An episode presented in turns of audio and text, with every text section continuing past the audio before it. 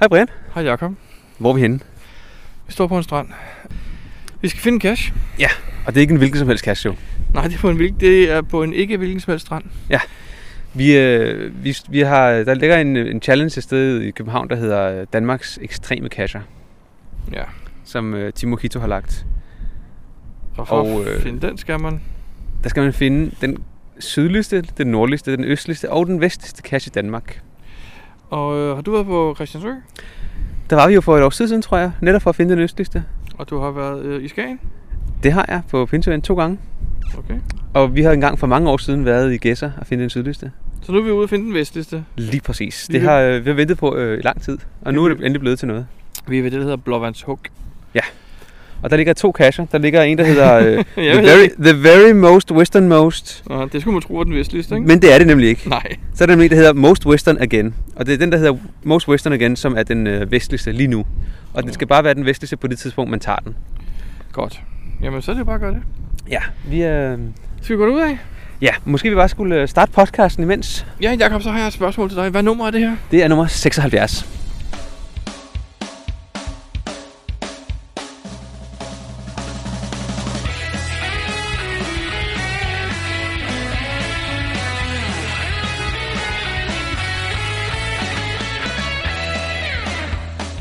Du lytter til GeoPodcast, din kilde for alt om geocaching på dansk. Husk at besøge vores hjemmeside, www.geopodcast.dk for links og andet godt. Husk at du kan kontakte os via Skype, e-mail og Facebook. Vi vil elske at få feedback fra dig. Jakob, øh, du har åbnet forholderen. Ja, vi har fundet den første her, der hedder The Very Most Westernmost, som ikke er den vestligste alligevel. Nej. Så Og, øh, øh, og du har en tradition. Du, skal, du har to ting, du skal huske her. hvad er den første? Du skal lægge visitkort over vores podcast. Det er rigtigt. Den er, det har været gjort. Og så har øh, Så har vi øh, de der TB'er, fra, øh, som, øh, Thor Ignica som har Thor givet Igni dig. har givet jer. Og du Så skal vi lige tager huske nummeret. Hvad den nummer der. har den? Ja, det må vi jo ikke bare fortælle jo, fordi så kommer der masser, der discover. Den starter med VL, men det er fordi, det er sådan nogle volunteer Very nogle- Lonely. Ja, Very Lonely vol- Volunteer. Så øh, vi skriver navnet i her, og så øh, noterer vi den der TB, og så skal vi videre til den, som faktisk var målet, altså den allermest vest, vestligste i Danmark. Aller, allermest. Jakob, hvordan har du det lige nu? Ej, jeg har sådan, sådan lidt ærgerligt. Vi er her rejst til Blåvand i det vestligste, mørkeste Jylland, øh, for at finde den vestligste kasse. Og Jakob, hvad, beskriv, hvad du ser. Jeg ser sådan en, øh, en rød ting, der er hejst op i en mast. Og det betyder, at der er, øh, der er aktivitet på det øh, øvelsesområde, som cashen ligger i. Ja, Som er militært. Så vi må ikke gå derind. Og, øh, vi har har så 280 meter ind i området Ja. lige nu. Og vi har selvfølgelig ikke tænkt os at gå derind, fordi det... Come on, hvad er du frisk? ja, men det kan være, det skyder jo. Du har så, kommet øhm, flashtøj på, de kan ikke se dig. Så øh, det bliver ikke i dag, at vi finder den her cache i hvert fald. Og så opdager du også lige en anden ting, der er faktisk en no-fine på den. Ja, der var en til maintenance faktisk. Endnu Fordi, værre. øh, men ja, som, som beskriver, at de ikke kunne finde den. Så, øh, Så hvad gør man så? Må vi så? Jamen, vi skal, man skal finde den vestligste kasse på det tidspunkt, man er der. Og hvis den anden kasse ikke er der, og vi har fundet den, der hedder Westerly Most, Westernly Most, så har vi jo sådan set fundet den mest vestlige, ikke? Måske ja. Vi, skal, Tror vi, skal nok, du, vi skal øh, nok lige hjem og kigge på, på hvad der, er, der står helt præcist. Tror du, Timo Hito accepterer den? Jeg ved det ikke. Måske. Gør, vi skal sende ham en mail og Det kan tjekke godt lidt. være. Måske vi kan bestikke ham et stykke kage eller Ja. sådan noget. Måske vi kan bestikke ham der, om der kommer ud af den her Uh, øh, han skulle tankvogn ryge, med, en, han øh, står og ryger. med noget kage. En kampvogn. Han skulle have tyske mærker på skulderen, har han ikke? Tror du, tyskerne har lukket? Nu i- nu igen, nu igen. nu igen. Det er også lige Nej. noget 9. maj. Ja, Åh oh, nej, det har det ikke. april. April. Nå. Vi må, der er ikke noget at gøre. Jacob, Vi kan ikke, lever, øh, vi kan ikke skal finde den i dag, nej. Så, Men hvorfor er det jo, at vi er her i Esbjerg-området? Det jamen det er fordi, vi faktisk skal øh, afholde et teknikevent i skal morgen. vi nemlig. Jeg synes faktisk, de fleste af de, vores seneste podcast her, har vi snakket om vores teknik. Det... Det er faktisk rigtigt. Vi har også holdt mange ja. Ja. i betragtning af, øh, inden for en meget kort periode har vi holdt rigtig mange. Ja. Tre stykker. det bliver i morgen, det bliver også meget hyggeligt. Ja, enten i morgen eller, eller også øh, næste gang vi kommer på de kanter. Ja. Der ligger jo en øh, rigtig, rigtig fed øh, mystery, som hedder Kripnitstillingen eller sådan et eller andet i den retning, som skulle være ret fed. Så du skal over igen. Den kunne jeg rigtig godt tænke mig at tage over og finde, ja. Så skal du bare huske, når du kommer over igen, så skriver du E ELMBAEK E i logbogen. Nå, ja. Tak. Yes. Jamen, øh, tilbage til studiet. GeoPodcast. Dansk GeoPodcast. Hej Brian. Hej Jakob. Hvad har du lavet siden sidst? Jeg har, øh, jamen, jeg har faktisk været til et lidt sjovt event. Det var et event, der hed FTFM nummer 30. Og du kender godt FTFM, ikke også? Jo, jeg har hørt om det. Kan du ikke lige kort fortælle, hvad det er for noget? Jamen, det, er jo, det var nogen, der fik en idé om at lave et FTF-mesterskab. First Finder-mesterskab. Ah. Ja. Og så, det, så har de lavet sådan et, et, et, øh, en, en, en pokal i træ, meget flot, hvor der står bogstaverne FTF oven på sådan en lille sokkel, og det ser meget fancy ud.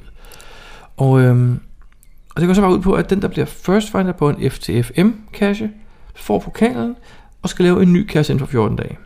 Okay. Og den, der så bliver first finder der, får pokalen. Og der er så sådan på, på FTFM nummer 0 eller 1, 1 tror jeg vel det er, der er så sådan en liste, hvor man kan se, hvem der har haft den, og hvem der har haft den flest gange, og hvad det hele går ud på i det hele taget. Okay.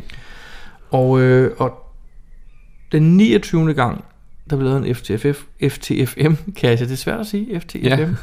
der var det Sisse Frank, der fik den. Og han fandt sig på til nummer 30, ville han lave det som et event. Ah. Så der var faktisk et FTFM-event, Ja. hvor han frigav FTFM nummer 30 kassen. ja. På den måde, ja. Og han havde jo været rigtig snu, så han havde jo annonceret i forvejen, at der ville blive an- frigivet et antal almindelige kasser, og så FTFM-kassen Mhm. en halv time senere. Så man kunne jo vælge, om man ville gå ud og blive first finder på alle de almindelige, eller man ville vente og blive first finder på FTFM. Yes. Og det viste sig jo så, sjovt nok, hvilket jeg havde gennemskuddet og sagt til ham, jeg tror, du er en bandit, jeg tror, man skal finde de første for at finde FTFM. Og så stod han og grinede fjord ude, og det var jo ganske rigtigt, sådan, sådan var det nemlig. Ah. Alle de første, der kom, jeg tror, det var 14 stykker, der skulle du ud og finde nogle af dem. På den måde, Og ja. i dem ja. var der et lille clue, og når du havde det, så kunne du finde den sidste. Okay. Så, men, men han ville ikke rigtig sige så meget til Frank, hvilket var fair nok i sådan en FTFM-kamp. Øh, FTF, i hvert Ja, fald. det er fair ikke? nok, ja. Så han ville ikke sige noget som helst. Så, men, og så sagde jeg til ham, "Jamen, det er jo ikke her på P-pladsen, hvor vi står. Vi må vel et sted hen og se afslutningen. Altså, jeg vil da godt se, hvem der egentlig er, der får den. Ja. Ja, men det kunne vi jo ikke uden os, og det nej, det kunne man ikke. Og så siger han lige pludselig fjolset, jeg kører lige en tur. Og så tænker Brian, det skal være løgn, jeg kører i hvert fald med. Ja. Så jeg hoppede ind i min bil og rætede efter ham. Og så stoppede han på en skovvej, sådan en lille kilometer derfra, og sprang ud af bilen, og jeg sprang med og sagde, "Hvad er det her? Hvad- Hvorfor løber du sådan? Og så siger han, der er en ny cash. Så jeg skyndte mig selvfølgelig at løbe efter ham, og han løb rundt om et træ, hele vejen rundt om, uden at gøre noget. Og så løb jeg rundt om træet og fik øje på kassen, og så blev jeg først der. Hold da op. Det var han ikke helt tilfreds med. Det er ikke særlig gentlemanagtigt, det der i hvert fald. Det er det Jeg ikke. troede bare, vi skulle ud og se finalen på FTFM nummer 30 jo. Han sagde bare, jeg kører lige en tur. Men du gav ham vel logbogen, så han kunne signere Jeg sagde til ham, fair nok, det var dig, der viste vej, det var dig, der kørte her, tag den, det er din. Det ville han ikke have. Han mente, nej, nej, nej, nej. Han synes, jeg var et røvhul, men det var fair nok, jeg havde fået den først. så ja, så jeg fik et first find. Ja, super. Senere så kørte vi så sammen over til finalen og så, at de kom rendende. Jeg havde lovet, at han viste mig faktisk, han sagde, se, kan du se, kan du se, Pe- og pegede, han sagde, derovre der er den, kan du se den? Og det mm. kunne jeg så også godt. Og jeg lød værd med at gå over til den. Det er meget fornuftigt, synes Og jeg. så pludselig så kom øh, Patrick Timler rendende, Sjovt nok. sammen med øh, Blåstrødbanden, og lidt senere kom Mr. Holmes rendende, og der var ikke blevet fundet endnu. Altså, de havde faktisk regnet rigtig kornet ud, plus minus 8 meter, men de kunne Okay. ikke se den. Er det rigtigt? Og Frank og jeg, vidste- jeg lykkedes mig at tage et billede af Patrick Timler, hvor han står og ser forvirret ud, og lige i baggrunden kan man se kassen hænge op i et træ. Ej, hvor sjovt. ja. Øhm, uden at spoil for meget, vel at mærke. Ja. Øh, nej, og, og så kom Mr. Holmes, og der kom flere, der kom flere, der kom flere, og, og så fik de så øje på den til sidst, ikke? Og så, der så vi altså Patrick løb hurtigt, det vil jeg sige.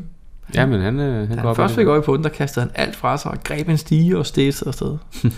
så det var faktisk ganske morsomt. Øh, derudover så har jeg jo faktisk været på natcaching med Torben Sangel og Jonas Næsby. Ja. Hvad var du ude at finde? Vi er ude at finde Mørkets Herre og De Vise Sten. Nå ja, ja, den har jeg også ude at finde. Kender du Mr. Holmes? Men vi kender Mr. Holmes. Ja. Ja. Han har jo altid øh, ligesom sådan blæret sig lidt med, at han fandt altså kasse uden GPS, ikke? Ja. Jeg har nu været ude at finde natkasse uden lommelygte. Okay. Mm. For da vi parkerede, så sagde, nu vil jeg ikke nævne nogen navne, men en af de to, jeg var med, sagde, du behøver ikke, du behøver ikke lommelygte nu, fordi vi starter lige med en anden cache, der hedder Fugleflugt. Ja. Så vi kommer tilbage til bilen. Nå okay, så vi gik over til Fugleflugt. Det var jo meget sjovt, den havde vi løst hjemmefra. Ja.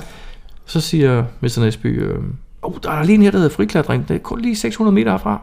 Så tog vi den også. Og da vi så færdige med den, så sagde Sangil, hov, der er kun 400 meter til natkassen. Den tager vi da lige nu. og så stod Brian der uden lommelygter, og uden pandelygter, og uden noget som helst. Vel forberedt. Jeg synes, jeg havde prøvet. Anyways, jeg fandt en natkasse uden lommelygte. Sådan. Ja, ja, det gik fint nok. Det var faktisk en rigtig god en. Du har også taget den, for vi så dit navn stå i logbogen. Det er nemlig rigtigt. Du var den sidste, der havde været der. Selvom det efterhånden er længe siden. Ja, det er den for måneder siden, synes Ja. jeg. Mm. Der, havde ikke været nogen, der havde ikke været nogen i mellemtiden, men det var okay. Okay. en fin kasse. Nej, jeg synes, den var god. Så ja. Hvad med dig? Jamen, øh, jeg har været til øh, det øh, coin-event, der er. Det er øh, coin race-event.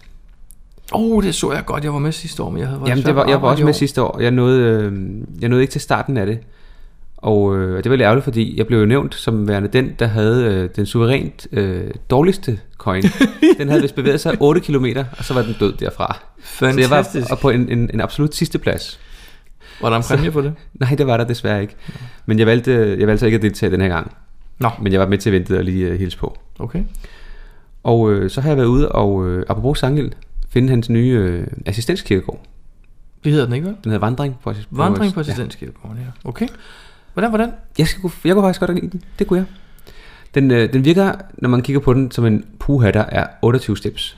Meget Ja. voldsomt. Ja. Men det er faktisk øh, slet ikke så slemt, fordi Der er vist der er meget, meget, meget kort imellem. mellem, mellem stepsene. Der kan være øh, 50 meter, der kan være 20 meter. Så det er faktisk ikke øh, så slemt. Og... Turen er vel på hvad, en, en halv kilometer? 500 meter? Ja, måske er der en kilometer, det ved jeg ikke. Øh, vi gik rundt i en time eller halvanden, tror jeg, Mhm. mm-hmm. og, øh, og fandt øh, de forskellige ting. Det er vel også lidt lige meget, hvor lang den er turen, hvis bare man ser noget undervejs, eller man laver noget undervejs. Jamen det gør man, og man ser noget, men, men og det er ikke alle de der kendte grave, man besøger. Man kigger nogle, øh, nogle grave, man ikke normalt vil kigge på, og ser nogle, nogle lidt øh, anderledes ting. Så den, øh, den kunne jeg faktisk rigtig godt lide. Mm-hmm. Og så har jeg også været ude at finde øh, en af Timlers natkasser, der hedder Tre typer ture. Okay. Og det var Øhm. anderledes, fordi du øh, følger et øh, refleksspor som sædvanligt, og så på et tidspunkt, så deler refleksspor sig i tre.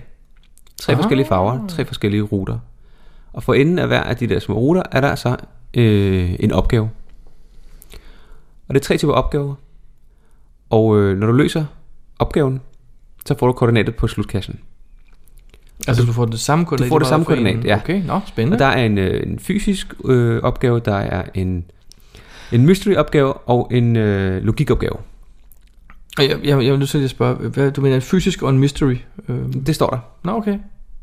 Det er det, Okay. okay. der står i, i, i beskrivelsen. Nå, så, så mysteryen den er ikke defineret måske. Du kommer bare hen og skal selv finde ud af det. og hvorimod Jamen, der den er måske, ja, der er, et Hvad eller gjorde I? andet, der er en opgave. Jamen, vi valgte en af dem. Man, kan, man, man ved ikke, hvad for en af dem, der er hvad for en. Nå, det ved man heller ikke. Nej, Det er nej. Ikke, det er sådan så når sådan du kommer blå hen, og så tænker du, mystery, og- hmm, det der, det kan jeg simpelthen ikke finde ud af. Så kan du gå tilbage til der, hvor den deler sig, og vælge en af de andre. Den lyder god. Hvad, hvad med finalen? Var den også okay så? Det var en timlerfinale. Nå, 28 meter op i et træ og 14 meter ud af grenen. Nej, det, det Nå, nå, behøver det nå. jo ikke at være. Men øh, jeg siger ikke mere. Nej, det skal du heller ikke. Vi kender Nej. simpelthen. Godt nok. Hvad har du ellers lavet? Mhm. Så har jeg været til et event. Mm-hmm. Men det tager vi lige lidt senere, det der øh, skovevent ved Nødebo, Ja. ja. som øh, en Lotte har lavet. Men det, det tager vi lidt senere, fordi, Fordi- fordi... der har vi øh, nogle optagelser fra nemlig. Uh, perfekt. Ja. Super. Så ellers har jeg ikke lavet mere. Så det var slut på siden sidst. Det var øh, slut på siden sidst, ja. Geo Podcast. Dansk Geo Podcast. Jakob, har du nogensinde fundet en Janis Cash? Ja, mange. Har du det? Hvor mange har du fundet? Øhm, det burde jeg faktisk vide, fordi jeg er jo også gået efter den challenge, der omhandler challenges. Nå, Meta Challenge. Ja, og jeg kunne lige præcis ikke opfylde den øh, med den højeste. Hvad Så- var det højeste? Var det 100? Det tror jeg, eller 80 eller sådan noget. Men det er der omkring, jeg har fundet challenges. Hvad synes, du om, hvad synes du om challenges? Altså som øh, koncept som sådan, synes jeg faktisk, det er en, øh, det er en sjov måde at kunne sætte sig nogle mål for geocaching. Jeg tænker lige på, at vi skal måske, hvis vi har nogle nye lyttere eller nogle nye geocacher, vil fortælle, hvad en challenge cache er. Det er typisk nogen, hvor øh, cachen ligger på koordinatet. Øh, for det meste i hvert fald. Og det kræver, at man har, man har opfyldt en eller anden form for øh, geocaching-relateret opgave eller krav. Det er noget med at have fundet... Det kan være noget med. Det kan være noget med det, men det skal være geocaching-relateret. Ja. Og det skal være noget, som øh, et, et, et større antal kan... Øh, Må, må anses at kunne opfylde. Ja. Og det må ikke være noget, der hæmmer din geocaching. lige præcis. Det kan stadig være, at der findes nogle af dem, hvor det hæmmer din geocaching, hvor du for eksempel maksimalt må have fundet x antal procent øh, multier. Men det er fra før det blev øh, øh, forbudt. Reguleret Det det lever, igen, igen. Ja, det blev, øh, de, her, de her findes jo stadigvæk. ja. der var også en, der havde en måned uden fund, ikke? For eksempel, den vil heller ikke øh, kunne blive godkendt i dag. Nej. Men det går simpelthen ud på, at man øh, sætter nogle, nogle mål, og når man har opfyldt det mål, så må man få lov til at øh, logge kassen som fundet. Og hvad kan et mål være, altså udover antal fund? Jamen det kan være, at du har øh, fundet en i hver sværhedsgrad og øh, terrænkombination. vi Det er der kalder- 81. Det vi kalder 81-matrixen. Ja, lige præcis. Eller øh, du skulle have fundet en hver dag i øh, 30 dage i træk, eller 555 dage i træk, eller 1000 dage i træk. Der er mange muligheder. Så, så det har faktisk, det kan forstås set være alt, bare det her med geocaching og, og tal at gøre. Ja, jeg er ikke sikker på, at det betyder noget metal heller. Der er jo for eksempel det her nytårsforsættet. Det er også en challenge. Ja. Der skal man, øh, der skal man fortælle, hvad ens nytårsforsæt er. Og hvis man så har øh, opfyldt det forsæt, så må man logge kassen. Hvem tjekker, at du opfylder de her ting? Det skal cashejer faktisk gøre. Man skal jo øh, beskrive typisk i loggen, hvordan man har øh, løst den ved at indtage screenshot af noget statistik, eller linke til nogle ting, man har gjort eller fundet eller et eller andet. Og så kan cashejer så gå ind og tjekke, hvis de vil, og eventuelt slette din log, hvis det er, at du faktisk ikke opfylder kravet. Men der findes jo rigtig, rigtig mange forskellige challenges, Jakob, og det er det, vi skal snakke lidt om nu. Hvad, hvad, hvad, er den- hvad er de bedste, du har fundet? Åh, oh, den bedste challenge?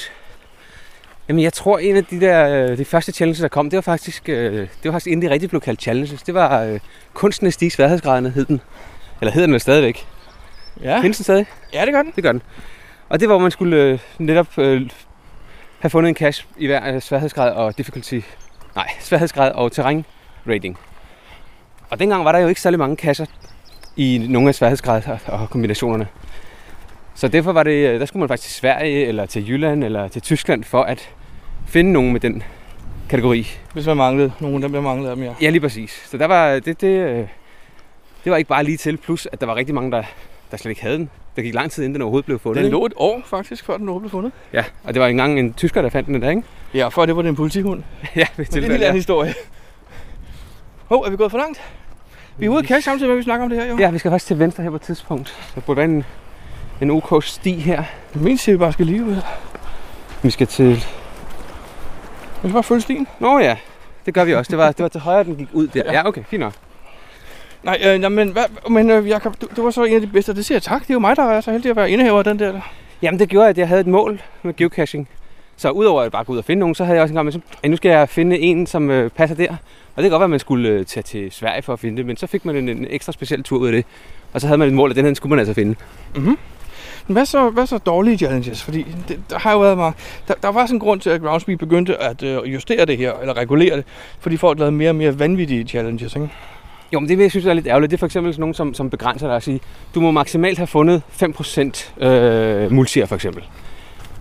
Øhm, det gør, at man så ikke må tage multier i en lang periode, hvis man vil opfylde den challenge. Så det, det, det, det hæmmer jo lidt, at, at man, man modarbejder sig selv. Hvis man gerne vil finde nogle multier, så modarbejder man, at man kan finde challengen. Og det synes jeg er lidt ærgerligt.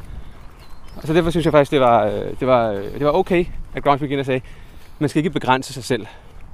Så, så generelt set kan du godt lide challenges. Ja, generelt synes jeg, det er fint. De får dig jeg ud. synes, øh, ja, jeg synes, at nogle af dem er lidt for meget. Men det er for nogen, der er for meget. Det er der godt vi er frem til, jo. Ja. Altså udover, at de ikke må begrænse dig, så det har vi jo så lige været igennem, men Så er det sådan nogle, hvor at, øh, nogen har været ude og lave et eller andet. De har været ude og finde øh, fem events på en dag. Og så siger de, ej, det skal jeg lave en challenge på. når du mener, se mig, se mig, challenges. Ja, lige præcis. Det, dem, de har engang med også nogle lidt mærkelige krav, hvor jeg bare tænker, mm, det, ja. Mange af dem er jo også nogle, hvor jeg tænker, det der krav, det vil jeg aldrig nogensinde kunne opfylde. Så derfor så, øh, så ryger det i bunken over dem, jeg, jeg ikke går efter, og ikke gider arbejde mig mod. Altså jeg så for nylig, at der kom en, der hed 5 kasser fundet på samme dag, der alle sammen har 5-5 i terræn og sværhedsgrad. Hvor Ja. mange kan opfylde den? Det bliver svært, ikke? Jo, men så skal man for eksempel tage et sted hen, hvor der, øh, hvor der ligger en masse 5-5'ere, og så få en dag ud af det. Så det, det er jo også en mulighed. Det er selvfølgelig rigtigt. Men Brian, hvad synes, øh, hvad synes du egentlig er en god challenge? Jamen, jeg kan godt lide dem, som faktisk får mig ud af døren. For eksempel i august for i år. Ja, var det en challenge der? Nej, det kom der jo. Ja. Ja. Der kom flere. Øh, men der kom jo det her med, at hvis du eneste dag fandt øh, en kasse, fik du også en, en souvenir, og så kom der nogen, der hed 30 souvenirs i august og sådan noget. Ja. Og, og det var sådan noget, der gjorde mig at komme ud af døren, tænkte jeg. Ikke? Mm. Eller også dem der, altså jeg har jo selv arbejdet meget på den, der hed placeringsdato. Det har vi gjort sammen jo. Ja. Altså, at man skal have fundet en kasse placeret i hver måned, Mm-hmm. mm. siden geocaching startede. Ja, det er rigtigt. Og der kan det altså godt være svært at finde nogle af dem, der stadigvæk er i live fra maj 2000 for eksempel. Ikke? Lige Eller, præcis. fra feb- marts og april, og hvad det hedder, øh, hvornår vi startede. Og, øh, en af de der challenges, som jeg faktisk også rigtig godt kan lide, som jeg også har snakket om før, det er der Wilson-challengen for eksempel. Og lille 22. Fordi den får mig ud, eller har fået mig ud at finde nogle af de bedste kasser, der ligger i omkring København, for eksempel. Mm-hmm. Mhm. Så den kan jeg faktisk rigtig godt lide. Og så kan jeg også lide nogle, øhm, som ikke med tiden kan blive udvandet på samme måde. Udvandring er et problem. Det synes jeg i hvert fald. Nogle Det synes, synes synes jeg det er også. fint nok. Øh, For eksempel så kan man jo... øh, Du havde jo selv en. jeg havde en, den hed en alfabetkassen, hvor man skulle finde en kasse, der startede med A, en B, en med C og så videre.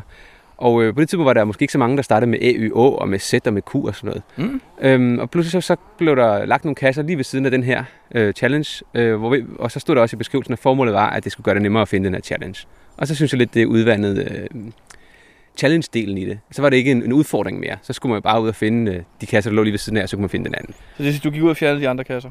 Og jeg gik ud og fjernede min. Jeg lukkede den, fordi jeg synes, så var det ikke en, en udfordring mere. Okay. Og lidt på samme måde er der også øh, med nogle andre kasser, hvor at der bliver lagt nogle kasser, der øh, hvis eneste formål mere eller mindre er, at man kan lokke den her challenge. Så er den ikke lige så øh, udfordrende mere. Nej. Og det synes jeg er lidt ærgerligt. Hvad nu hvis det er challenge-ejeren selv, der har lagt de andre kasser for at hjælpe? Er det så okay? Så er det lige pludselig sådan en øh, find mine kasser challenge. Og, det Ja, må, det er og, dem, faktisk også og den må man ulovligt. heller ikke lave, vel? Du må ikke have en, der hedder Find alle Elmbæks kasser. For man må heller ikke promovere sine egne på den måde. Og det vil du jo næsten gøre, hvis du lægger en masse kasser i stedet, og så har en challenge, der... Den lige præcis omhandler Ja, det, ja, ja. det ville være lidt mærkeligt. Men Så- challenges får mange folk ud, tror jeg faktisk. Jeg ja, tror, man det er har, man har grunden lidt til, at et, man tager et på mål, tur og- fordi ja. efterhånden så har man jo fundet mange kasser. Det, det er ikke et mål i sig selv mere. Så finder man nogle af de gode, det er så et mål fint. Men, men nogle af de challenges får man jo også ud, og så, øh, jeg, ved, at jeg har den der hedder Kraks Challenge, hvor man skal finde en i hvert øh, kort på Kraks-kortet. Og der er der, der, der er mange, der bruger, og så siger, men den, den vil vi gerne udfylde, så man kommer lidt rundt andre steder i København og Nordsjælland, hvor man normalt ikke ville være kommet, fordi Mm. mm. man skal lige finde en der. Den kan så heller ikke rigtig udvandes, for det er lidt svært at, øh, Jamen, jamen det, at, at gemme nogen, som gør det nemmere, kan man sige. Lige præcis, men det, jeg mangler jo et en på et af dit krakskort. Jeg tror, det er 97, jeg mangler en på stadigvæk. Ja, Stadigvæk, lige præcis, ikke? ja. Så, øhm, men det er... øhm, Men, Men hvad for Ja. nogen kan man ellers ikke udvande? Nu snakker du, sagde du, at den men ikke den med, kunne ud, udvande. med udlægningsdato, for eksempel, den er også lidt svær at udvande, kan man sige. Altså at gøre nemmere. At gøre nemmere, ja. Antal dage eller antal lande besøgt, for eksempel, kan man nok heller ikke rigtig Den er udvande. også lidt sværere, ja. Så, Kommuner, regioner. Ja, der er sådan, også. sådan nogle, sådan nogle øh, lokationer, fysiske Ja. steder, man skal være. Det er svært at udvande. det må man sige. Så. Men generelt challenge, synes jeg, var en, det var en, det er en god måde at få, nogle, få sig nogle, nogle, nogle mål med geocaching. Kan du huske nogle af de berømte challenges, der har været? Der har været nogle, som alle folk nærmest ligesom snakken gik om den og den og den challenge. Det har været, øh, der har været meget snak om 50 grå hår, Ja, lige, det var den, jeg også lige tænkte på. hvor man skulle øh, finde 50 mysterier på en dag. Der var også en, der hed noget med max, eller, øh, jo, max 90% traditionel, ikke? Det, Det kan også godt være. Det, det kan jeg ikke huske. Ja. Det, Det er sådan en, som, som ikke ville være blive godkendt i dag. Ja. Men hvad, har du, øh, hvad er din bedste challenge? jeg tror, det var, hvad vi rendte. Vi var, vi, jamen, det var den der med at få de der øh, datoer, udlægningsdatoen lukket. Det krævede jo nogle ture til, øh, til både USA og alle mulige andre Sverige, steder. i i Stockholm. Sverige. Ja, ja. Der ligger Matchbox op i Stockholm, som mange tager op og finder netop for det. Lige præcis, ja. Øhm, jamen, og så også... Øhm, jo, øh, de her 366 dage på et år. Ja. Og få lukket... Altså, alle kalenderdagene vil jeg godt have. Ja, Den kan Jeg heller ikke ved udvandes, faktisk kan ikke man engang, om sige. det er specielt er en challenge som sådan, men det var bare et mål, jeg havde på et tidspunkt. Ja, om der er en challenge. Og der er nu ja. Ja. også, at du skal have fundet en mystery på hver de dage. Ja, det kommer så lige til at gå et stykke tid. sådan kan man jo øh, lave dem lidt svære. På samme måde med Matrixen, der kan man lave dem med, at det skal være multier, to eller gange, det skal være...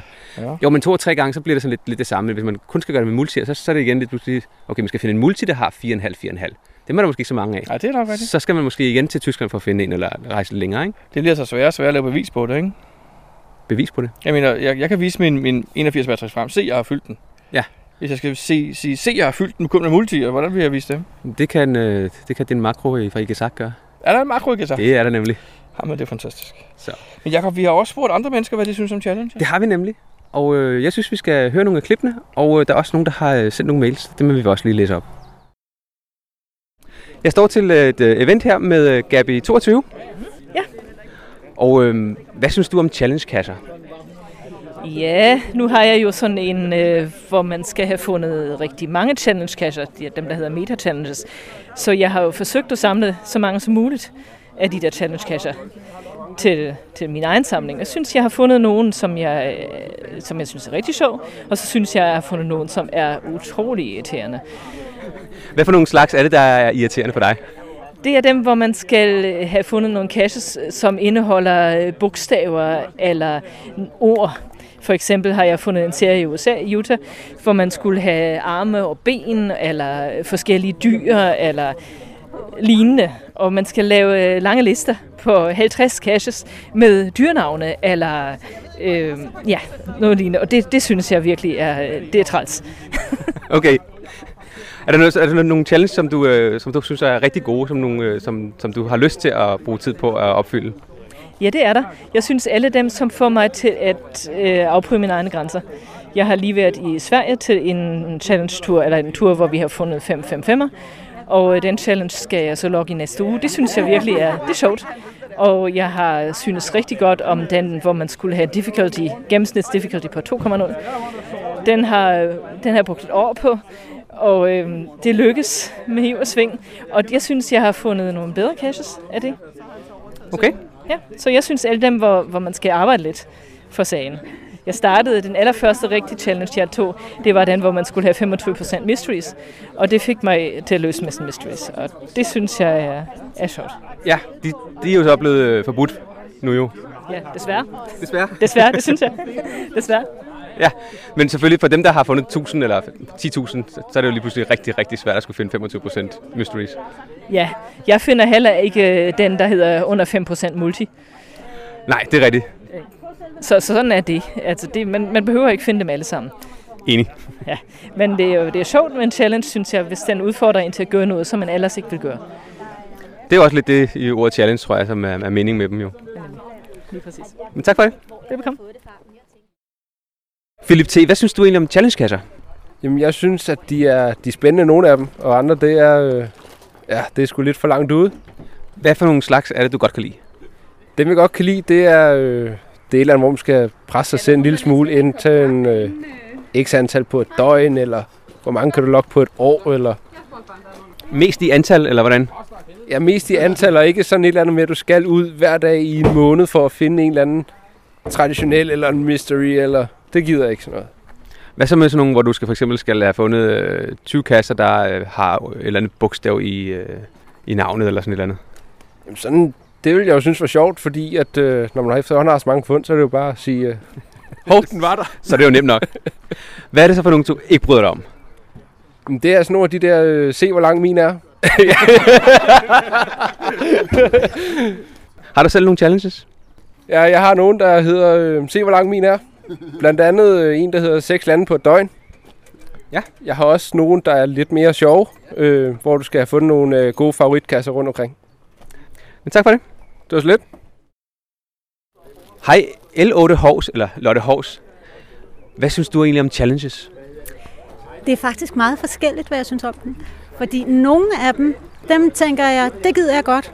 Og så kan jeg bruge krudt på dem og synes, at det er sjovt. Nogle af dem, det er sådan, nå ja, det kan jeg godt, der er jeg kvalificeret. Og nogle af dem tænker jeg, det der, det gider jeg overhovedet ikke beskæftige mig med. Hvad er det for nogen, du, øh, du synes er sjove? Jamen, øh, jeg synes, jeg havde rigtig meget sjov ud af Nilses øh, snese, øh, OZ9 øh, ELS' øh, snese. Øhm, og endte også med at lokke den ved selv at kravle op i det der træ uden noget og hilse på køerne på marken. Øhm, og det, det var jeg sådan ret godt tilfreds med, fordi at det var vist ikke et, man lige kunne kravle op i ellers. Så, så der følte jeg, at det var en god udfordring og en god afslutning. Nu har jeg i dag lukket øh, øh, to Earthcast Challenges af, af en lolik. Øh, og det synes jeg sådan set også er fint, men der er jeg nok ikke gået efter at have Earthcatcher i forskellige lande for eksempel.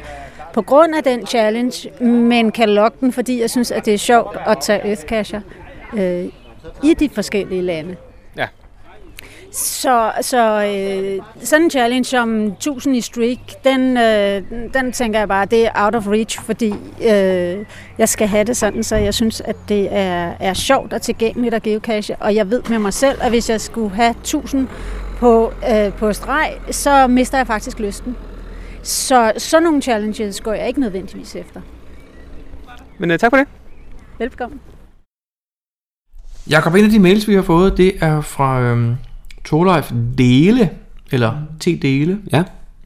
Han skriver, Hej Dansk Geopodcast. Angående challenges, så er jeg generelt for dem.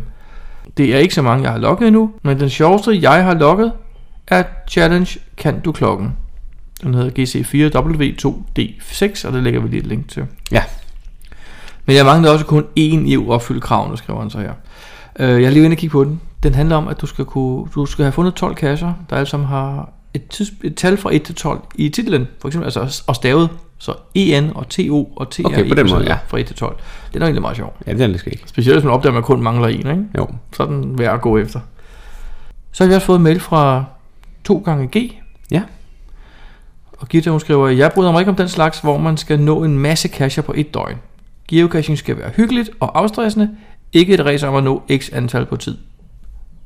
Ja. Jeg forstår godt, hvad hun mener. Mm. Men jeg forstår også, at den laver challenges, fordi det synes jeg også er lidt sjovt alligevel. Jo, men der skal være lidt til, øh, til alle, altså, til, til alle folk. en ikke? af de, en af de nu kan du se, at jeg laver air quotes, jeg laver gåsøjne med Ja, hinanden, ikke? ja. Berømte challenges er jo det, der hedder 50 grå hår.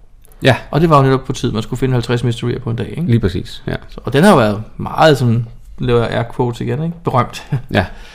øhm, så, så det er jo, ja, det er jo ligesom, skal du have nord op eller spor op, ikke? Det, der er sådan meget delte holdninger til det jo.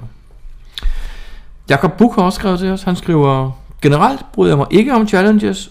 På et tidspunkt blev en række mystery cacher forbudt, fordi det var for omfattende og for specifikke krav til at kunne lokke dem. Sådan har challenge cacherne også udviklet sig efterhånden. Der findes, skorstræk fandtes, en regel om, at et rimeligt antal geocacher skulle kunne lokke den, for at den kunne blive godkendt. Den regel, jeg synes, jeg er langt fra bliver overholdt. Jeg synes, at det kan være ok med de klassiske challenge cacher som Fizzy eller Jasmer og 365, hvor man for eksempel skal have fundet en dagligt i et år. Alle 81 kombinationer, en fra hver år siden ge- geocaching startede, eller eventuelt 1000 cacher på et år, og i den retning. De mere specielle, hvor folk praler med egne præstationer, for eksempel 1900 cacher på et år, 777 på et døgn, 3 gange 3 gange 3, som er 3 cacher på 3 år på tre bestemte øer, eller Poker Challenge, hvor man skal omsætte GC-koderne til hænder i et spil poker, er stort set ikke kasser, jeg gider beskæftige mig med at tjekke, for det bliver simpelthen for besværligt, skråstreg omstændigt. For mig virker det irriterende, og jeg håber, det bliver forbudt på et tidspunkt. Sådan. Det er en klar udmelding. Jeg vil så også give ham lidt ret. Ikke i de specifikke, specifikke challenges, han nævner, men det med, at det er for besværligt at tjekke det. Ja. Det gider jeg heller ikke. Nej. Jeg synes, ejeren skal have lavet en, en, en makro, eller fået oprettet den på Project GC. Det er nemlig rigtigt, fordi vi på Project GC, der kan man faktisk få sådan et, øh, et link, som du bare klikker på den, og så fortæller du den dig, viden? om du Lige præcis har, har øh, opfyldt den den eller ej. challenge. Lige præcis. Det er faktisk ret smart. Hvis man gør det, så er jeg sådan set næsten lige glad, hvor kompliceret den er. Stadig skal det være sådan, så et rimeligt antal geocache, jeg kan opfylde den. Ja. Men hvis det bare er til at klikke på et link, så er jeg med. Jeg gider simpelthen ikke at sidde og gennemgå 22.000 logs, Nej, for at se, om jeg Helt har enig. fundet ordet hund 18 gange eller sådan noget. vel? helt enig. Så det var de mails, vi havde fået. Ja. Men øhm, den generelt på det der challenges, der kan vi jo så konkludere, at der er ret stor forskel på, hvad folk synes er en god challenge, og hvad der er en øh, dårlig challenge, eller en challenge, man ikke gider gå efter. Ja, det er rigtigt. Der er stor forskel på, hvad folk synes, men folk er også forskellige jo. Ja, og heldigvis er der så noget til, til enhver smag. Man kan jo vælge ikke at gå efter dem. Der er så også, altså de challenges, hvor der, der kommer en challenge ind ad døren, skulle jeg til at sige, på en mail, nu er der kommer en ny cash, ny challenge, og man ser, at den har man allerede øh, opfyldt. Der er så ikke noget challenge over den for, for Jamen, I så, selv. så farer du vel ud for at finde den. Jo, jo, måske. Men, men, men så er der ikke noget challenge over det mere. Så er det bare Nej. en, en, en, traditionel, der bare kan findes. Ja, ja, lige præcis. Det er lidt sjovere, hvis det er måske en, man ikke opfylder, og man så skal arbejde på. Og, og Ja, det er jo det er- men sådan en som øh, til delskram, hvor han kun manglede en. Så Ja. er den jo meget sjov at arbejde på, ikke? Eller nemme i hvert fald. Så er den nemme Altså, i hvert fald. Så, Jeg tror lige, jeg vil komme med en lille kommentar til Jakob Buchs øh, mail, ja. Ja. fordi han siger, at han synes ikke, at godkenderen overholder den her med at det rimelige antal geocacher skal kunne lokke dem. ja. Og der synes jeg faktisk, øh, det synes jeg ikke er helt rigtigt. Jeg synes, og, og jeg skal lige understrege, at jeg er ikke selv godkender. Ja, Jeg ved ikke, om Jakob er det, det vil han ikke sige, men jeg synes faktisk, godkenderne gør et godt job med det, og jeg, synes, jeg har set og hørt om cacher eller challenges, der er blevet afvist, fordi det ikke var et rimeligt antal, der kunne gøre det. ja. Dem, hører man, dem ser man selvfølgelig, for de kommer ikke frem jo. Det er nemlig rigtigt. Men det er jo også sådan en, øh, Vurdering. det er også sådan en vurdering, ikke? Ja. Det er sådan en gummielastik, så det er sådan øh, op til, til deres øh, sunde fornuft. Ja. Så Ja. Jeg tror, det var, øh, det var det om challengekasser for den her gang. Det var det. Geo Podcast. Dansk Geo Podcast. Meget kort tid efter vi har afsluttet optagelsen til denne podcast, har vi fået en mail fra Groundspeak, hvor der står, at de laver en pause for alle challenge-kasser. Det betyder, at af det næste år, der er det ikke muligt at få godkendt nye challenge-kasser. Alle dem, der ligger derude, de kan selvfølgelig stadig findes, så længe man opfylder kravene. Grunden til det er, at en stor del af de klager, som øh, Groundspeak får, er på grund af challenge-kasser. Det er ikke altid lige nemt at finde ud af, hvordan og om man opfylder kravene til en challenge. Og de skal have kigget hele systemet igennem, hvordan man skal lave challengekasser, og hvordan kan man øh, få et øh, challengekasser, der gør, at øh, Groundspeak ikke bliver bebyrdet med en masse henvendelser. Geocaching HQ har faktisk lavet en tråd på deres øh, forum, hvor de spørger folk om, øh, om challenge casher. Og der har man mulighed for at gå ind og øh, give sit besøg med, og de vil så efterfølgende lave et spørgeskema for at øh, finde ud af, hvad de skal gøre ved fremtiden for, øh, for challenge casher. Så øh, jeg vil opfordre folk til at gå ind på den øh, tråd på deres forum og øh, skrive, hvad man synes om challenge casher. Og på den måde kan man øh, være med til at forme fremtidens øh, challenge casher. Geo Podcast. Dansk Geo Podcast. Jakob, da vi snakkede om siden sidst, der sagde du, du havde været til et event i Nødbo. Det er rigtigt. Hvad var det, du havde fået med hjem fra derfra? Jamen, øh, det var sådan et, et todelt event. Først så var der noget for moklere om geocaching, og øh, bagefter var det et, hvad skal vi kalde det, almindeligt event, altså for, for geocachere. Hvordan får man mokler til at møde op til et event? Jamen, øh, det har jeg simpelthen spurgt øh, en lollik om. Nå, okay. Og jeg har både snakket med en lollik, og jeg har snakket med et par andre, jeg har faktisk også snakket med et par moklere. oh, så, så, det er ikke øh, farligt.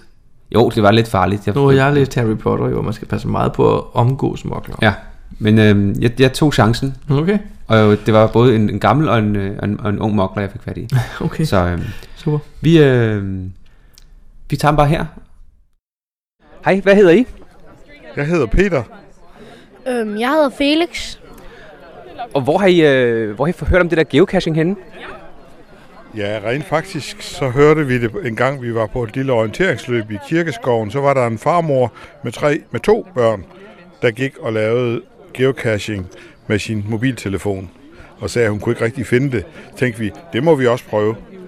Og så downloadede vi begynderappen, og så gik vi ned i vores egen skov, og der fandt vi, hvad var det, vi fandt? Hvor var det henne? Kan du huske, hvor det var henne, Felix? Øh, ja, det var over ved de ungarske træer. Ja, Ikke? der fandt vi en cash. Og så har vi set det nu i Frederiksborg Amtsavis, at der var det her kursus og en, et event her i dag. Så derfor er vi her. Okay. Har I, øh, har I lært noget så? Har vi lært noget? Øh, ja, det har vi. Hvad har vi lært? Øh, vi har lært, at vores mobiler er ikke så gode til sådan noget her. Åh, Eller det er ikke de bedste nej. til os. Har I været ude at finde nogen også? Øh, ja, det har vi. Og hvad var du? Øh, jeg var, jeg var FTF, som betyder First to Find med to af dem. Tillykke med det. Tak. Og så var der også en, vi prøvede at finde, og der fandt jeg en 20'er. Og så fandt jeg den så. Så der lå en 20 ved siden af, eller hvad? Ja, den eller lå nej, nej, den lå inde i sådan et skur, som jeg lige fandt under nogle blade. Okay. Er det noget, I vil fortsætte med, det her geocaching? Øh, ja, det tror jeg. Det tror jeg i hvert fald, Ja, jeg det ved vi da helt sikkert. Der er dem, hvor du bor, fik vi at vide i. Du bor i Harskoven. Der er mange Ja, geocaches, som vi Der- skal prøve at finde. rigtig mange. Hvad er det, I synes, der er sjovt ved geocaching? Jeg tror, at det er, at man får, altså, man får mange nye ting sådan, at se. Og så skal man også bruge sine øjne lidt til at finde nogle ting, som godt kan være lidt svære at se. Ja, jeg synes jo det, er, at man kommer ud i naturen og får gået, og så samtidig så har man et mål, når man går, man skal, der er, sådan, der er dels det, at man kommer ud og får frisk luft, og så er det også et sådan, en eller anden form for, ikke konkurrence, men alligevel øh, et, noget at gå efter, og det er sjovt at se, hvad det kan være for noget. Ja, men øh, tak for det. Håber, I får en, øh, en god dag her. Ja, tak skal du have. Tak. Hej. Jeg står her til eventet i øh, Skovskolen i Nødbo. Ja. Og Mr. Holmes, øh, du har også været med til eventet i dag. Var du med øh, helt fra start? Jeg var med helt fra start, ja, og jeg skulle, eller vi, øh, sammen med Gabi 22 og øh, Dorte Nick, så har vi vist nogle øh, nye øh, geocacher rundt. En øh, bedstefar og, og øh, barnebarn. Og det var vældig hyggeligt. Og hvad, hvad, hvad, gik I bare rundt og fandt nogle kasser, eller hvordan? Altså med, med dem, mener Ja. ja. du? Nej, der blev, der blev øh, udlagt fire testkasser, som vi, der gerne ville hjælpe, havde fået på forhånd. Så vi havde dem på vores øh, GPS'er eller telefoner. Og øh, så øh, fik vi så tildelt nogle, nogle nye personer, og så skulle vi så hjælpe dem. Hvor mange dukkede der op af altså nogle ikke-geocacher? Jeg tror, der var omkring 20. Det er meget godt. Ja, det var fint. Det var fint. Absolut. Hvad synes øh, de om det? Jamen, øh, der var jo en lille dreng med, der hed øh, Felix, og han øh, Han fik lov at, at, at gå med min telefon, øh, så, øh, så han kunne se, hvor det var. Og jeg tror, han synes, det var meget sjovt. Han kom faktisk først til to af de fire testkasser. Ja, det nævnte han faktisk, ja. ja, ja. Men eventet i dag, Ja. jeg synes, det har været et fantastisk event, simpelthen. Altså, man, man ved jo, man ikke går forgæves, når det er en lollik, der laver tingene. Så øh, ved man altid, at øh, casherne er er super kvalitet, og jeg blev bestemt ikke skuffet i dag.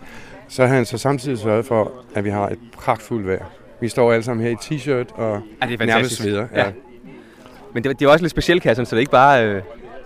De var, de var meget specielle. Altså, de havde sådan ligesom et fælles tema, øh, som jeg så ikke lige vil afsløre nu, hvad gik ud på, men øh, kasserne var utrolig flot forarbejdet, og, øh, og det man så skulle finde ud af undervejs, var meget underholdende. Helt bestemt. Og du blev førstfandet på nogle af dem, eller hvordan? Ja, det lykkedes. Øh, mit lille team her med, øh, med Gabi 22 og Dorten Nick, vi blev first finder på fire af de 10. Tillykke med Blandt det. andet, øh, den sidste super bonuskassen. Sådan. Det var, det var en god dag. Det lyder godt. Det er on. Jeg står ved øh, Skovskolen i Nødbo og har fundet Geodude. Ja, det er korrekt. Det er en sjælden gæst på de her kanter, er du ikke? Jo, øh, jeg har vel en- godt og vel 100 km op fra hjemmekoordinaterne, som er jo nede i, på Sydsjælland. Ja. Hvad fik dig til at komme med til lige præcis det her event?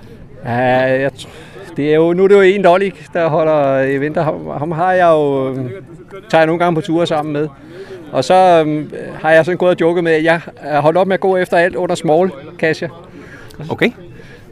Jeg synes simpelthen, det, det tager, øh, jeg gider ikke det der med at rende rundt og, og, og klø sig i nakken og ikke kan finde noget som helst. Så det skal, være, det skal være noget, der er til at finde. Og det ved Claus jo godt. Så han havde postet et billede på Facebook. Og han sagde, nu kan du se, hvilke kasser du skal finde. Nu kan du simpelthen ikke undslå dig for at komme. ja, og så, så blev jeg jo nødt til at finde plads i kalenderen. For det er jo det andet problem, jeg har, det der med at finde tiden til det. Sådan er det jo. Har du været med hele dagen? Det har jeg. Hvad synes du om det, øh, der var til, til at starte med, med de der nye geokasser? Jeg synes, det var en rigtig, rigtig god præsentation, Claus han fik lavet der. Var du med rundt og øh, sammen med nogle af de Det var nye? jeg ikke, fordi jeg, jeg, havde, jeg havde ikke meldt mig som hjælper, og der var jo, der var jo rigeligt, så Okay. Hvad synes du om kasserne? Har har du været rundt og finde dem? Jeg har været rundt og finde dem alle sammen, inklusive de to bonusser. Altså, De, ja, de har været kanon, altså. Sjov, sjov, øh, altså selvfølgelig, de traditionelle var traditionelle, ikke så meget sjovt, men de opgaver, der var der i, de var, de var, de var meget fint tænkt ud. De var lidt anderledes, ja. Ja, det var det, ja. Også, også de to bonusser, de var også... Det var, Ja, det ty- det, det, det var typisk øh, Claus. Lige præcis. Det, skulle lige sige, det, det er typisk en lollik kasse. Ja, præcis, præcis. Tak for det. Velkommen. Claus, eller en lollik, du har, øh, du har lige afholdt et øh, lidt anderledes event. Vil du fortælle lidt om det? Ja, det ved jeg godt. Øhm, der har jo været meget sådan snak i geokassenkredse om, at når folk starter som geokasser, og så gør de det ikke rigtigt, og de kan ikke finde ud af at behandle tingene, som de skal, og de laver ikke særlig gode logs, og man kan ikke få fat i dem, når de øh, har lavet noget forkert og så videre. Det synes jeg egentlig, det var lidt trist at lytte på, så i stedet for bare at, at hvad hedder det, øh, synge med i det her kor over folk, der brokker sig, så tænkte jeg, at jeg vil prøve at gøre noget ved det. Så derfor har jeg her i formiddag lavet en introduktion til folk, der aldrig har geokasse før. Hvor mange dukkede der op? Der var cirka 13-14 e-mails. Det svarer, ville svare til en geokasseprofil bagefter, men der var cirka 25 personer, der mødte op. Og der havde jeg så, jeg lærte mig med nogle af mine øh, lokale geovenner, som kom og, og hjalp.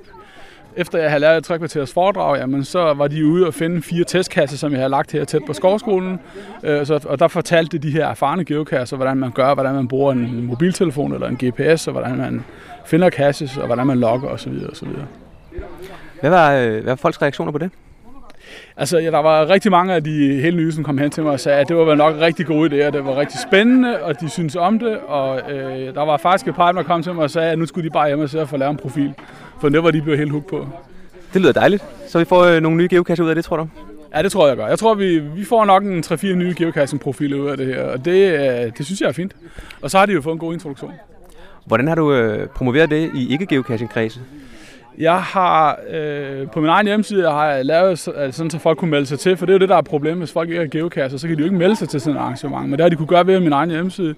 Og så har jeg promoveret det i øh, Frederiksborg Amtsavis, hvor jeg har haft et par annoncer i, som jeg faktisk har betalt for, men øh, det gjorde jeg valgte så at gøre. Og så har jeg haft det i øh, de lokale aviser heroppe, og så har jeg haft det på forskellige Facebook-grupper også. Er det øh, forløbet, som du har forventet? Ja, det vil sige, den første er, at det forløb rigtig fint, og det jeg jo så valgte at gøre, det var jo så at oprette et, et traditionelt event øh, her øh, over frokost, hvor nogle af de nye så kunne se, hvordan det foregår, når det sådan kører, som det plejer at køre.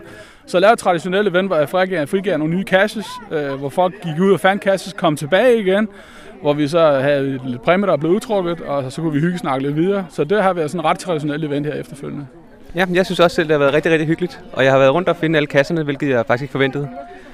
Jeg havde sammen med Tobi og... Øh, jeg synes, hun hedder hun ikke mere. Men vi tager, vi tager bare en enkelt eller to, så kommer vi tilbage og snakker. Og pludselig så har vi fundet øh, alle otte plus bonuskasserne. Fordi det var nogle øh, anderledes kasser. Som man jo næsten kan forvente, når det er fra din hånd jo. Ja, det siger folk jo. Øh, ja, men jeg har også brugt lidt tid på, på, på at tænke over, hvordan... Jeg, hvis jeg, skulle- man skulle lære en serie, og det er jo lidt det, som, jeg, som der bliver diskuteret meget i geocaching kredse, at der bliver skældt meget ud på serier. Øh, så tænker jeg, jamen, hvis jeg nu skulle lære en serie, så ville jeg lave en serie, som jeg selv ville synes var sjov at gå ud og finde. Og, og det er så det, der har ligesom har været baggrunden for den serie her. Kraftigt inspireret af to øh, skånske geocachere, det her, Karina og Lasse, de laver nogle rigtig gode serier. Okay, jamen det, øh, det tip, vi går videre også. Ja, det kan I roligt gøre. De har lavet en serie, der hedder Vort Menas, og en serie, der hedder Kanskje et hint. De ligger i den samme skov, cirka 20 km kørsel fra Helsingborg. Okay, det lyder godt. Tak for det. Velbekomme. Geopodcast. Dansk Geopodcast.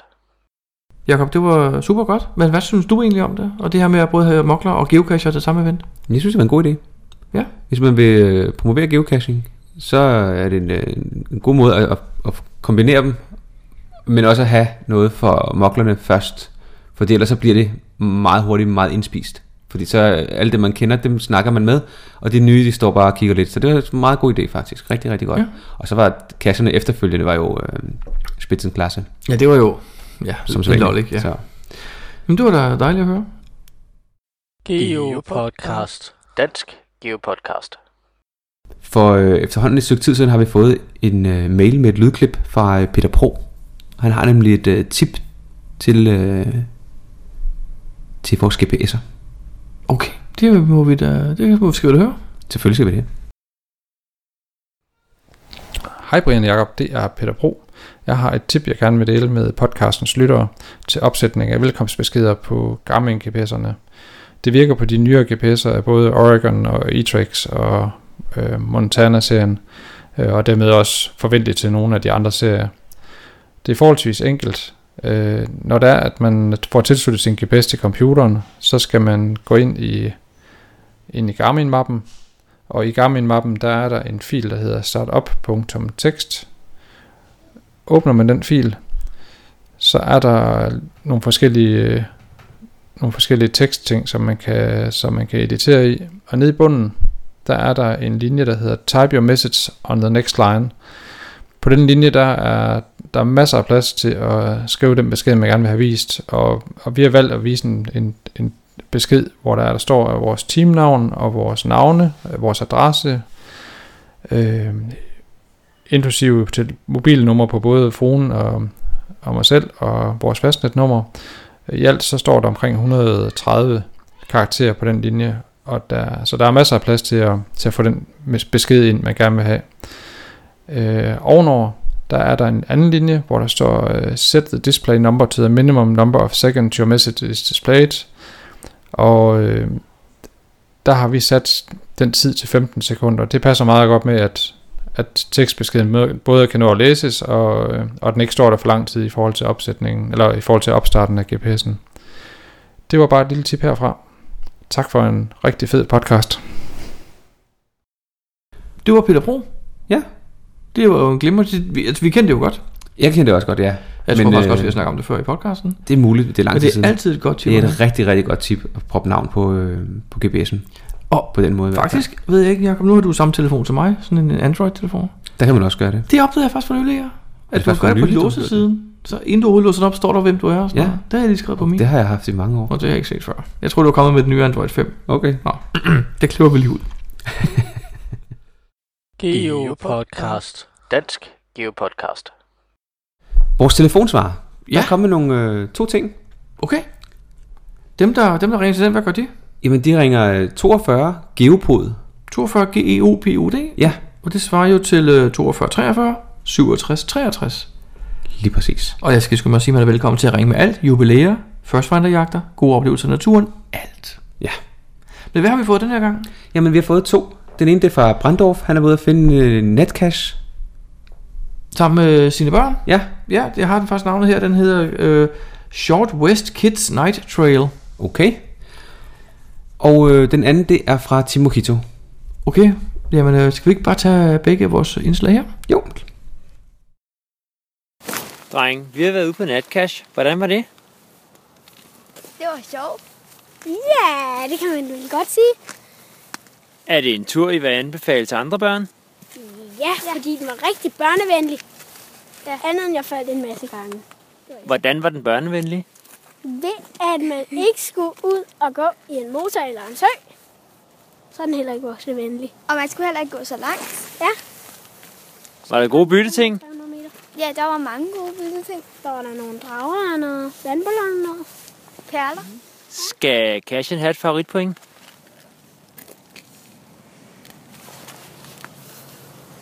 Seks. Hvad siger du, Mikkel? Seks. Seks favoritpoint? Den er tre. Tre. Seks. Tak skal I have.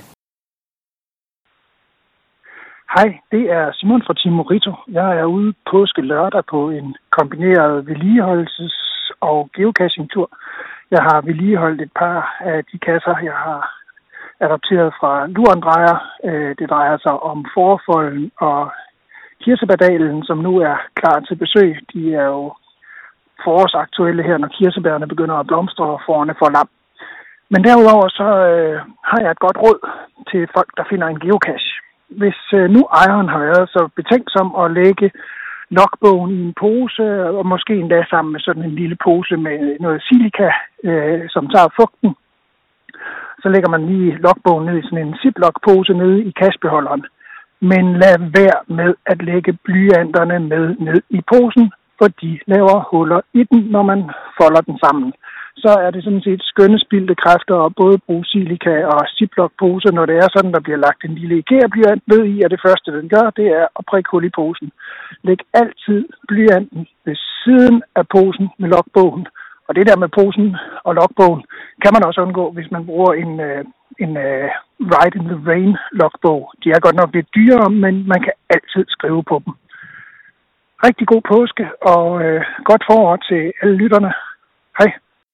Geopodcast. Dansk Geopodcast. Jakob, vi fik jo tidligere snakket om, hvorfor det hedder en blå pind.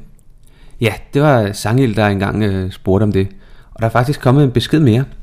Og det er fra øh, De Fugle, eller Martin, som han faktisk hedder. Og han skriver, Torben Sangel spurgte, hvorfor det kaldes en blå pind.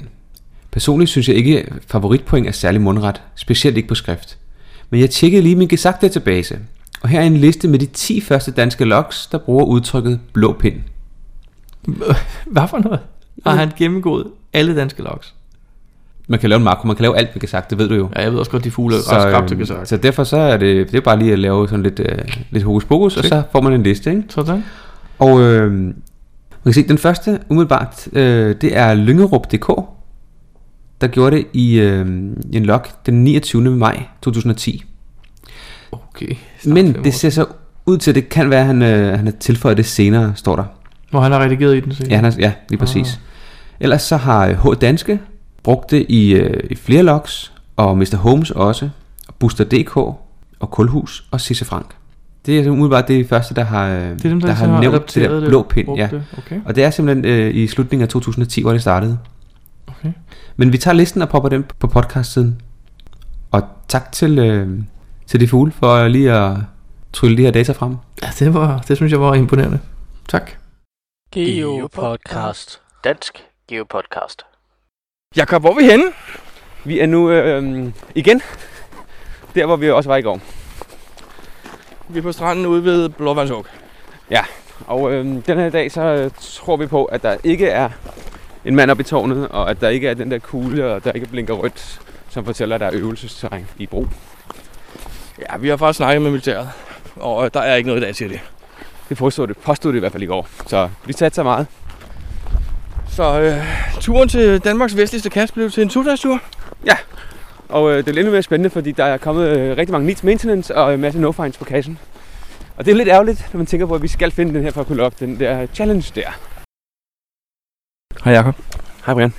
Hvor er vi henne igen? Nu er vi der. Nu er vi simpelthen ved kassen, den mest absolut allermest vestligste i hele Danmark. Men øhm, kassen er væk. Det er lidt noget hø for det. Vi skal bruge den til vores challenge. ikke? Ja, det er nu anden gang, vi er herude. Men vi har været lidt forberedt. Du har været, du har været rigtig øh, proaktiv og har kontaktet kasseejer. Lige præcis. Og tænkt, der er en stor chance for, at den er væk, fordi der var øh, et par no fines og en masse needs, needs maintenance på den, hvor det skrev, at den var væk. Og den skulle ikke være så svær. Så øh, skrev en sms til kasser og spurgte, øh, om vi skulle genplacere, hvis vi ikke kunne finde den, og eventuelt, øh, hvor den så var henne. Så vi var helt sikre på, at den ikke var, at den var væk. Og øh, han ringede tilbage og sagde, at det måtte vi meget gerne forklare, hvor det var. Så nu har vi øh, lavet en øh, fin nødcash og har placeret den der, hvor, øh, hvor den bør være, og tager nogle billeder og sender til kasseejer. Så slipper han for at køre herud, og vi har så samtidig fundet den vestligste cash i Danmark. Og det er jo faktisk meget vigtigt. Altså, pyt med, at han ikke skal køre herud, det er vi sådan set ligeglade med. Men vi har fundet den vestligste, og det er pointen, ikke? jo. Men det er altid rart at hjælpe hinanden også. Det er det i hvert fald, og, vi, og det er også rigtig godt lige at spørge først, ikke? Jo, det synes jeg. Det er god stil. Så øhm, nu kan vi med god samvittighed afslutte podcast nummer Ja, Jakob. Nummer 76. 76. Jeg skal bare se, om du kan huske det. Ja, ja. Ja. Vi ses om et par uger igen. Ja, tak for den gang. Hej hej.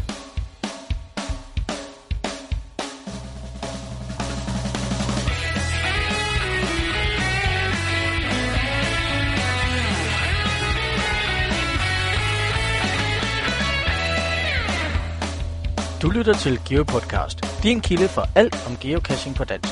Husk at besøge vores hjemmeside, www.geopodcast.dk for links og andet godt. Husk at du kan kontakte os via Skype, e-mail og Facebook. Vi vil elske at få feedback fra dig. Jakob, nu er vi kommet tilbage til den her kasse for tredje gang. Hvorfor har vi det? Jamen, vi glemte jo at lægge øh, en af de der tags, vi fik af Tor Ignica. Ja. Og vi skal faktisk gøre et eller andet, fordi den beholder, vi har lagt, den er ikke så stor. Så jeg tror, vi bliver nødt til at måske volde den en lille smule. Vil for du den kan være folde der. taggen, eller vil du folde beholderen? Jeg tror, taggen er bedst at folde. For sådan så ødelægger vi det. Så Tor Ignica. Han skal ikke lytte nu. Undskyld. Hold dig for ørerne. Undskyld, men til gengæld kommer den fra den vestligste kasse i hele Danmark. Den kan jo altså ikke folde, sådan en kan den. Ah, måske med lidt, med lidt øh, Jeg lidt tror, det er lidt uvilje. som, som en, en du, hvis du sætter tænder i den og bider et hjørne af. Vi må, vi må se, hvad vi kan. Vi har lidt værktøj med her. Du har en bidtang med, en skævbider. Ej, Så, så, øh, prøv at du stykke. Ja, det er lidt sygt. Undskyld, Tor Ignica. Undskyld. Du vil ikke tage den skævbider, ved du? Nej, nej, vi prøver at lade være. Det der kan du heller ikke. Jeg ved godt, du er stærk, men du kan ikke folde du, en tv Brian, du er meget stærkere end jeg er. Du kan ikke folde tv. Ja, jeg ved ikke, om mine fingeraftryk på det der.